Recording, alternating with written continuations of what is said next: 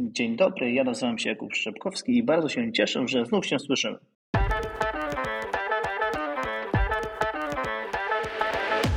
Dziś przeniesiemy się do świata muzeów, a konkretnie muzeów uczelnianych. Tak, wiem, że część z Was nawet nie wiedziała, że uczelnie wyższe mają swoje muzea. A jednak. Naszym przewodnikiem w tej ciekawej podróży będzie profesor Hubert Kowalski, który o muzeach uczelnianych wie naprawdę bardzo dużo i taki też jest temat tego odcinka, do wysłuchania którego Was gorąco zachęcam.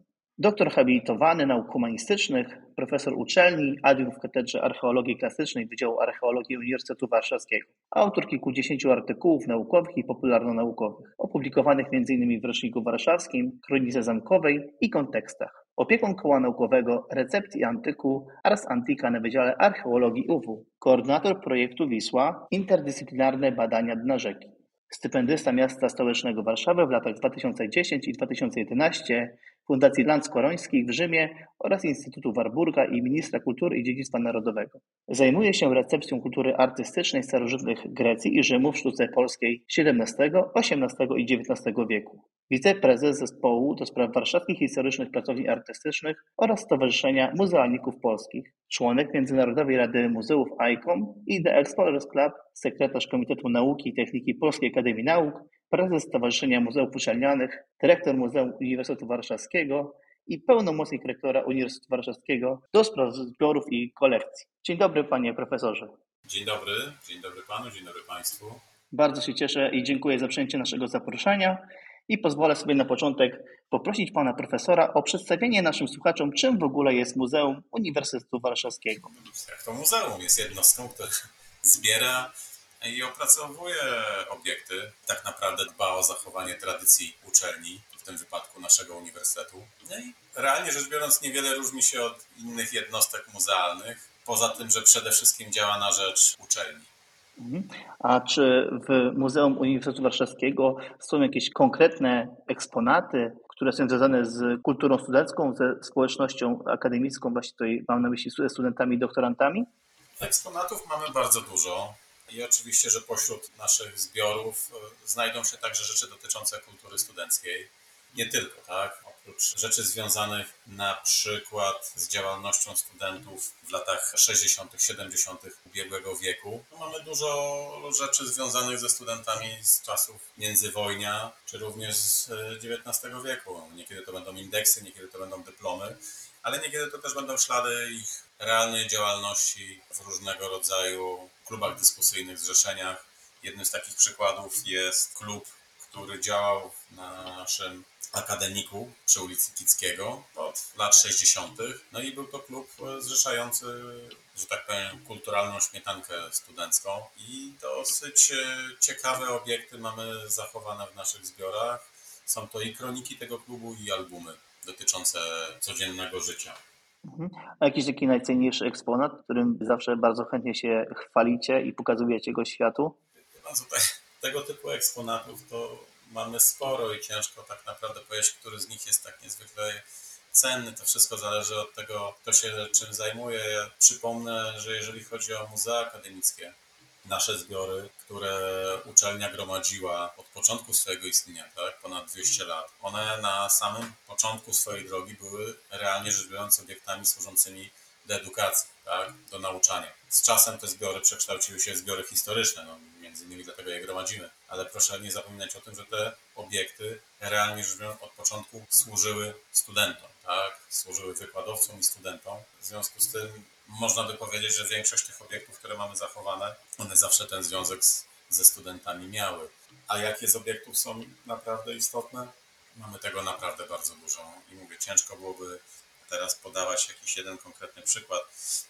Przypomnę, że nasze zbiory, jeżeli chodzi o Uniwersytet Warszawski, kształtowały się, tak jak żeśmy powiedzieli, na, na początku XIX wieku w związku z tym pośród tych kolekcji możemy znaleźć obiekty z wykopalisk z Egiptu, z przedwojennych wykopalisk profesora Michałowskiego, zbiory odlewów gipsowych, gabinety, które mieliśmy w XIX wieku, typu gabinet numizmatyczny. To są wszystko rzeczy, w których gromadziliśmy zbiory i część z nich, niekiedy w większym fragmencie, niekiedy w mniejszym a to za sprawą wojny światowej, nie tylko drugiej, no albo się zachowała, albo nie. W związku z tym mamy naprawdę spektakularne obiekty. No, możemy mówić o mumiach czy o sarkofagach egipskich, tak? jeżeli kogoś to bardzo interesuje, to również takie obiekty wchodzą w zasób naszych kolekcji uniwersyteckich. Mhm. A czy dysponujecie Państwo jakąś zbiorem eksponatów cyfrowych, które udostępniacie poprzez właśnie internet na przykład? Część naszego zasobu oczywiście udostępniamy na naszej stronie muzealnej, ale nie tylko, bo mamy tych stron kilka tak naprawdę, więc jak ktoś jest zainteresowany, to spokojnie sobie w sieci poradzi i znajdzie kilka z naszych stron, na których prezentujemy zbiory z naszego muzeum. Realnie rzecz biorąc, już od paru ładnych lat gromadzimy przeróżne, tak powiem, rodzaje zbiorów cyfrowych w postaci chociażby skanów rzeźb 3D. Tego typu my nazywamy te rzeczy już obiektami. Tak? One zostały wykonane na konkretnym oprogramowaniu, w konkretnym czasie, na konkretnym sprzęcie. W związku z tym dla nas też stanowią dzisiaj element zbioru, który trzeba zabezpieczać, chociażby wirtualne rekonstrukcje, na przykład naszego kampusu, tak, zabytkowego przy krakowskim przedmieściu. To są dla nas dzisiaj również obiekty, które przechowujemy w muzeum. Większość z nich, no może nie większość, ale jakaś część jest e, prezentowana na stronach internetowych czy na naszych platformach. Mhm, super, wielkie dzięki. A jakie wyzwania związane z zachowaniem właśnie dziedzictwa kultury studenckiej stoją przed muzeami uczelnianymi? Wyzwania, jeżeli chodzi o zachowanie obecnego życia studenckiego, to chyba jest jedno podstawowe, że dzisiaj, jak wszyscy z nas, przenieśliśmy się w dużej mierze do świata cyfrowego, tak? Przypominam, że te kroniki, o których przed chwilą wspomniałem, pochodzące z lat 60. i 70., no to były, dzisiaj są to obiekty, ale to były realnie kroniki stworzone. Ktoś wklejał w nie różne zapiski, ktoś sam coś wpisywał, ktoś wklejał zdjęcia i tego typu kronika powstawała. Dzisiaj niektóre z klubów studenckich, które dbają o swoją historię, niekoniecznie nawet produkują tego typu elementy, tak, które można zachować wszyscy Państwo wiecie, Pan również, że nie piszemy dzisiaj w większości wypadków listów, tak jak pisaliśmy kiedyś, tylko piszemy maile. W związku z tym zachowywanie tego typu elementów jest znacznie bardziej utrudnione. Więc możemy się domyślać, że jeżeli chodzi o zachowanie dziedzictwa kultury studenckiej, no będzie coraz cięższe. Nie mówię niemożliwe, ale na pewno cięższe. Tak? chociażby możemy wziąć przykład z takich elementów jak nie wiem, plakaty czy, czy zaproszenia, które mm, studenci produkowali, tak, i produkują dzisiaj, no to znowu, jak wiemy, większość z nich jest tylko online. Ciężko jest coś takiego zachować. Trzeba być już upartym, żeby to wydrukować i zachować, tak, gdzieś na półce, a ewentualnie oczywiście zbiorach cyfrowych. No ale to jest troszeczkę bardziej utrudniona historia. No, zgadzam się z panem profesorem jak najbardziej. Chyba najlepszym przykładem tego są też zdjęcia. Kiedyś człowiek miał rolkę dwudziestu paru zdjęć, musiał zastanowić się, jakie ujęcie tutaj teraz zrobić, żeby potem móc je wywołać, a teraz w telefonach komórkowych mamy nieograniczoną możliwość robienia tych zdjęć i nikt nawet nie zastanawia się, że kiedyś były pewne ograniczenia związane z miejscem, żeby przechowywać te wspomnienia tak naprawdę. Jest pan profesor także prezesem Stowarzyszenia Muzeów Uczelnianych. I moje pytanie jest, czym w ogóle jest to stowarzyszenie, jakie ma zadania i jakie w ogóle uczelnie wyższe w Polsce posiadają w swoich strukturach muzea uczelniane? To stowarzyszenie powstało 10 lat temu. W przyszłym roku będziemy obchodzić dziesięciolecie tak naprawdę, ale ono powstało z jednego podstawowego powodu. Większość z naszych jednostek uczelnianych, muzealnych, no jest trochę zapomniana, jeżeli chodzi o myślenie nawet w naszych jednostkach tak, macierzystych. Czyli mało kto pamięta o tym, że takie jednostki się znajdują, a chciałbym w tym miejscu powiedzieć, że takich jednostek w Polsce mamy ponad 150. To nie jest tak, że muzeów uczelnianych będą dwie sztuki albo będzie ich sześć. Jest ich ponad 150.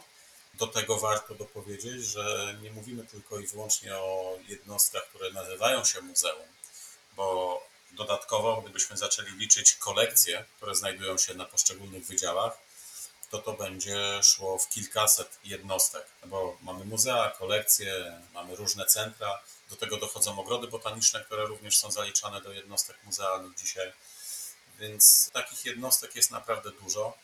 Można by powiedzieć, że większość uczelni, które są w naszym kraju, publicznych, ale również i prywatnych, bo są uczelnie prywatne, które mają muzea, więc w zasadzie większość jednostek uczelnianych będzie miało coś na kształt albo jednostki muzealnej, albo przynajmniej jakąś kolekcję, albo przynajmniej będą mieli zbiory historyczne, co do których też nie mają jakiejś pewności, bo nigdy nie, nie zdiagnozowali, tak? co takiego jest. W związku z tym to stowarzyszenie powstało właśnie po to, żebyśmy się integrowali między sobą, żebyśmy sobie pomagali, bo tak naprawdę każdy z nas ma podobne problemy. To nie są duże jednostki, zatrudnienie w tych jednostkach niekiedy to jest jeden etat, czasami to są dwa, rzadko kiedy jest więcej etatów.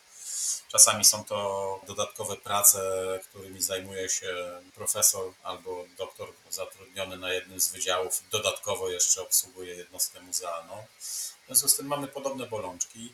No i po to jest stowarzyszenie, żeby integrować środowisko, żeby pokazywać, jak opiekować się kolekcjami, prowadzić szkolenia. To są główne nasze zadania, tak? Żeby też przypominać naszym organizatorom, czyli rektorom, że takie jednostki są i żeby o nich pamiętać i warto, żeby o nie dbać tak naprawdę.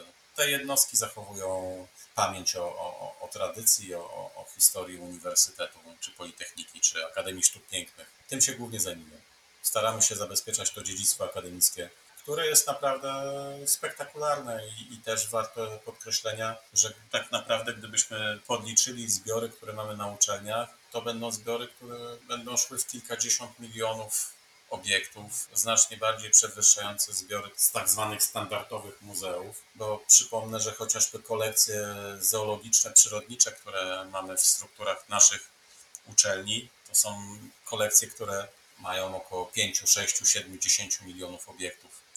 Więc same kolekcje przyrodnicze już stanowią naprawdę wyzwanie do zabezpieczania i do dbania o tych zbiorach akademickich. Mhm, to liczby przez pana profesora wspomniane robią naprawdę duże wrażenie. Nie spodziewałem się, że aż tak wielka jest kolekcja tych zbiorów uczelnianych, muzeów. A jakie właśnie inicjatywy takie konkretne podejmuje Stowarzyszenie Muzeów Uczelnianych w zakresie promocji kultury studenckiej i naszej tożsamości takiej akademickiej? Od kilku lat, chyba corocznie już nawet ciężko liczyć, bo już było tyle tych e, spotkań, e, organizujemy konferencje. Staramy się przynajmniej raz w roku zrobić ogólnopolską konferencję.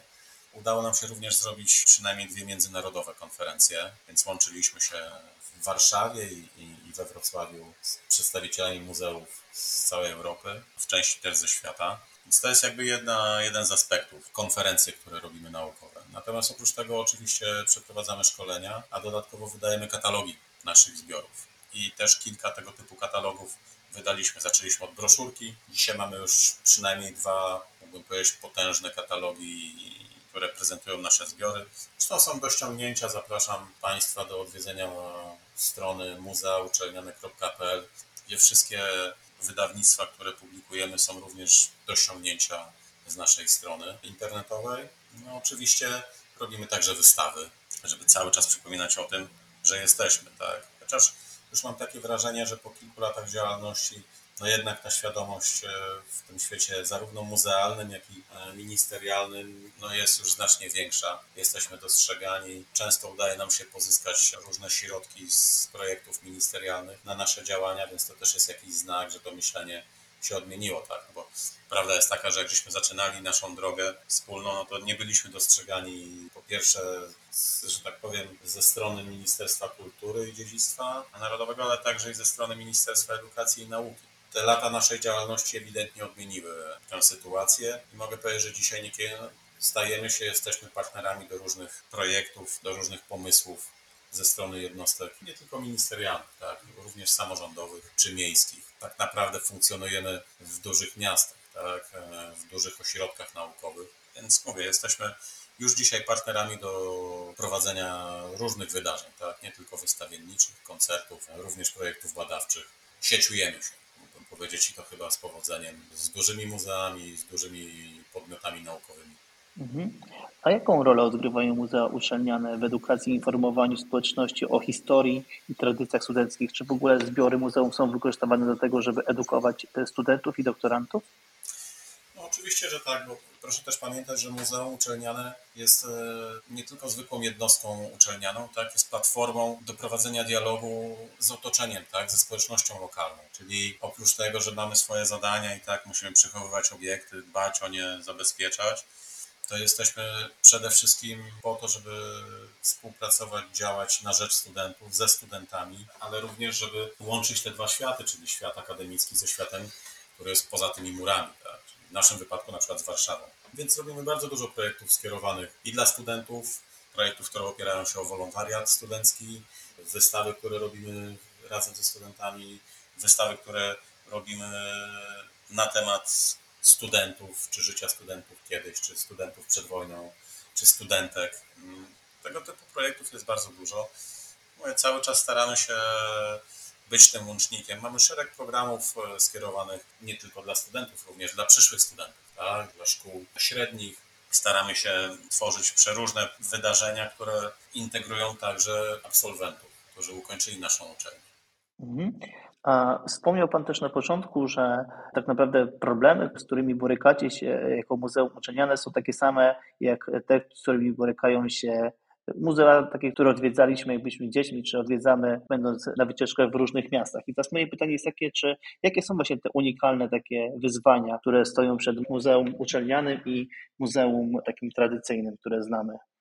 Problemy są wspólne dla wszystkich jednostek muzealnych w tym kraju, ale nie tylko w tym kraju. To jest jakby ogólny problem.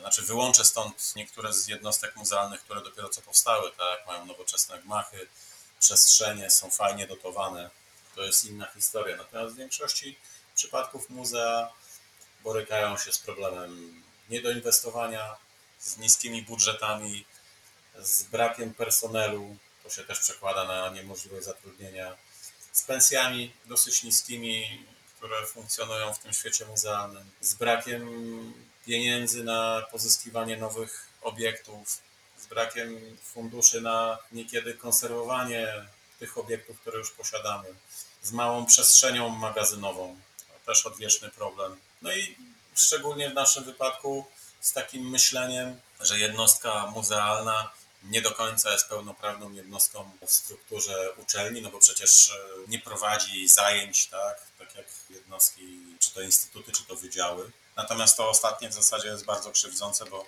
jednostka muzealna wręcz przeciwnie, no właśnie prowadzi edukację na różnych poziomach. Dzisiaj jeszcze zupełnie, może nie tak nowy trend, tylko trend, który wchodzi dosyć szeroko w uczelnie, czyli tak naprawdę edukacja w oparciu o, o obiekty muzealne. I to jest coś, co jest e, niezwykle cenne właśnie ze względu na, na sposób pozyskiwania wiedzy, na to, jak studenci reagują na tego typu zajęcia, co jest dosyć powszechnym trendem na świecie. U nas jeszcze nie na tak szeroką skalę, bo to, że można uczyć i że prowadzono zajęcia w oparciu o obiekty z muzeum, to oczywiście wiemy wszyscy od dawna, tak? ale chodzi o skalę. Tak, że istnieją jednostki na świecie muzealne, które są w stanie przepuścić rocznie kilkanaście tysięcy studentów przez tego typu zajęcia. Co oznacza, że tego typu jednostki stają się nawet nie na równi, niekiedy okazuje się, że są mocniejszą jednostką edukacyjną w strukturze uczelni niż jeden z wydziałów, tak, albo jeden z instytutów, że te zajęcia w oparciu o przedmioty, o obiekty muzealne, o muzealia mają naprawdę duży potencjał i przekładają się naprawdę wymierne korzyści dla, dla uczelni. Mhm. A pan profesor, czy muzea uczelniane są bezpłatne i czy one są otwarte dla osób, które chcą je zwiedzać, powiedzmy sobie, które są spoza miasta, y, przyjechały zwiedzić Warszawę i przy okazji chciałyby zwiedzić Muzeum Uniwersytetu Warszawskiego. Czy jest taka możliwość? A jeśli tak, to w jakich godzinach? Czy są to muzea zamknięte i tylko otwarte dla społeczności akademickiej danego uniwersytetu? Jak to wygląda? W dużej mierze są to jednostki, które są po prostu otwarte dla zwiedzających niekiedy codziennie, tak jak nasza jednostka, jak Muzeum Uniwersytetu Warszawskiego, jesteśmy otwarci od poniedziałku do niedzieli, od 10 do 16 serdecznie wszystkich zapraszamy. Nie ma problemu, żeby wejść z ulicy. Tak? Część z naszych jednostek niestety mm, ze względu właśnie na braki kadrowe, no nie ma takiej możliwości, żeby była otwarta, no więc y, trzeba się umówić. Ale jestem przekonany, że większość z, z naszych kustoszy, kuratorów z miłą chęcią otworzy muzeum, żeby opowiedzieć o zbiorach, żeby przedstawić historię uczelni. No, dodatkowo też takim walorem, jak w wypadku naszego spektakularnego, zabytkowego kampusu przy krakowskim przedmieściu jest to, że również prezentujemy kampus, tak? Robimy oprowadzania po kampusie, nie tylko prezentujemy muzeum. Natomiast wśród jednostek uczelnianych, muzealnych znajdą się także takie, które są zamknięte, nie są dostępne dla zwiedzających. Na przykład Muzeum Medycyny Sądowej we Wrocławiu. Tak? To już są zbiory, które są dedykowane dla studentów, nie do oglądania. Jakkolwiek jestem też przekonany, że jeżeli ktoś naprawdę chciałby zobaczyć któreś z tych muzeów zamkniętych, wierzę, że też jest na to szansa, tylko trzeba się wtedy umówić, to jest trochę bardziej problematyczne. Mhm. Wielkie dzięki za tą informację. Że to jest bardzo cenna informacja dla naszych słuchaczy, bo tak jak podejrzewam, wielu z nich nawet nie wiedziało, że muzea uczelniane w ogóle istnieją, bo to powiedzmy sobie na pierwszy rzut oka ludzie o tym nawet nie myśleli. A czy zauważa Pan Profesor jakieś różnice w kulturze studenckiej pomiędzy pokoleniami? Jak wpływają one na działalność muzeów uczelnianych?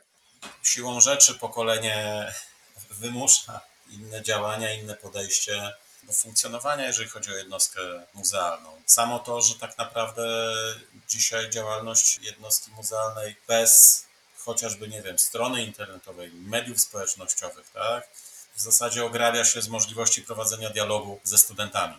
Tak? To już nie wchodzi w rachubę. Pomysły chociażby tego typu jak spacer wirtualny po uczelni, tak? to są wszystko rzeczy, no, które realnie wymuszają na nas e, studenci. Oni chcą, żebyśmy byli bardziej dostępni chociażby w kwestii świata wirtualnego, chociażby żebyśmy funkcjonowali w mediach społecznościowych. Zmieniło się pokolenie, tak? Dzisiaj no, tego nie muszę z młodym osobom tłumaczyć, że inaczej na to wszystko patrzą. Pojęcie samego muzeum, też sama rola muzeum, funkcje muzeum również się zmieniły przez ostatnie kilkadziesiąt lat. Podlega to dalej zmianom. Mhm.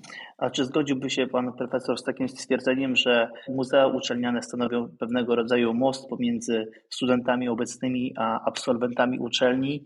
Taki most historyczny, tak nazwijmy. Jestem o tym przekonany, tylko też musimy pamiętać o tym, że jest to zależne od tego, jak taka jednostka muzealna działa. To jest, to jest zawsze indywidualny aspekt.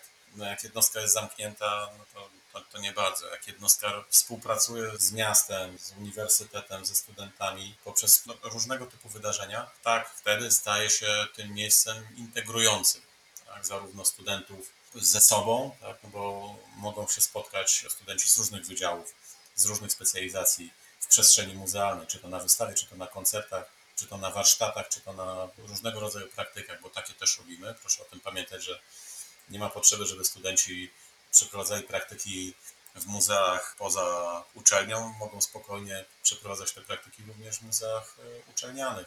Nie jest e, problemem. W związku z tym, e, tak, te wydarzenia, które robimy, mają ten aspekt naprawdę bardzo integrujący. Studentów, z absolwentami, absolwentów ze studentami, czy chociażby z pracownikami. Również integrujemy pracowników, którzy przeszli na emeryturę. Właśnie przez to, że możemy nasze działania w przeciwieństwie do wydziału polonistyki, na przykład, który prowadzi zajęcia konkretne, tak, sprecyzowane, jest mu znacznie ciężej, różnym wydziałom, tak, znacznie ciężej zbudować tego typu formy porozumienia pomiędzy studentami i absolwentami czy pracownikami, w przeciwieństwie do muzeum, które ma pełne prawo do organizowania przeróżnych rzeczy, jak chociażby Noc Muzeów. Tak. Noce muzeów na Uniwersytecie Warszawskim i w naszym muzeum to są wydarzenia, które ściągają około 6 tysięcy do samego muzeum, tak, do Pałacu Tyszkiszów Potockich i ponad 20 tysięcy osób na kampus. Więc naprawdę to są wydarzenia które organizujemy, mają naprawdę wymiar dużej platformy integracyjnej, inkluzywnej. Przy tego typu działaniach możemy powiedzieć, że te jednostki uczelniane mają w sobie wpisany bardzo silny aspekt inkluzywności. Mhm.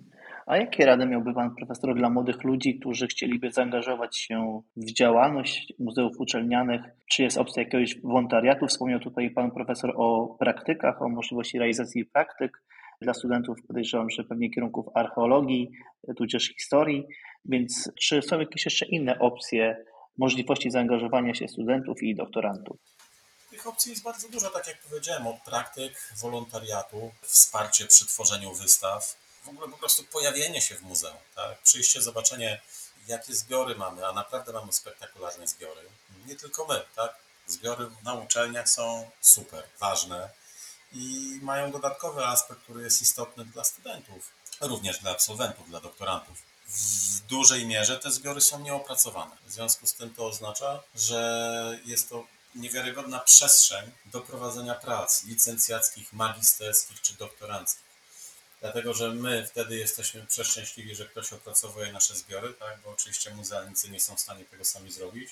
natomiast studenci mogą zająć się czymś naprawdę fajnym, naprawdę bardzo rozwijającym, no, nie kompilacją kilku tekstów naukowych i wyprodukowaniem czegoś na zaliczenie, tylko mogą przebadać e, zupełnie nieopracowane zbiory. To daje naprawdę dużą satysfakcję. Realnie się przydaje, tak? dla, nie, nie tylko dla nich, dla uczelni, ale w ogóle dla rozwoju nauki. Więc to jest też taki aspekt, o którym warto pamiętać z perspektywy studenta czy doktoranta że warto zobaczyć, jakie kolekcje są, jakie są muzea, jakie mamy zbiory, bo tak jak powiedziałem, po prostu jest ich tyle, że są nieopracowane. Mm, to brzmi jak relacja win-win tak naprawdę, bo widzę, że zyskuje i uczelnia, i, jak, i muzeum, jak i zyskuje ten student, doktorant, więc jest to świetna opcja. I na koniec, panie profesorze, jakby mógł Pan powiedzieć o najbliższej wystawie, którą planujecie zorganizować jako Muzeum Uniwersytetu Warszawskiego, żebyśmy mogli naszych słuchaczy zaprosić do jej odwiedzenia? Cały czas staramy się opracować jakąś część naszych zbiorów, a ponieważ ostatnio dostaliśmy no, naprawdę niesamowity dar. Jest to kolekcja gromadzona przez doktora Janusza Fischera, który właśnie był naszym studentem, absolwentem, a potem pracownikiem.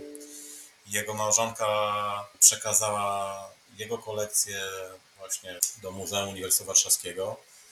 W związku z tym, na ile możemy opracowujemy i na ile możemy już prezentujemy szybko, tak, bo to jest e, dar sprzed dwóch lat. Już mieliśmy kilka wystaw, robimy kolejne i w nadchodzącym roku następna wystawa prezentująca fragment kolekcji Janusza Fischera na pewno będzie prezentowana e, w murach naszej uczelni, ale jest to jedna z wystaw, nie mówię, że najważniejsza, ale na pewno będziemy prezentować e, nasze gabinety naukowe, te historyczne, które żeśmy e, w XIX wieku mieli w strukturach uczelni.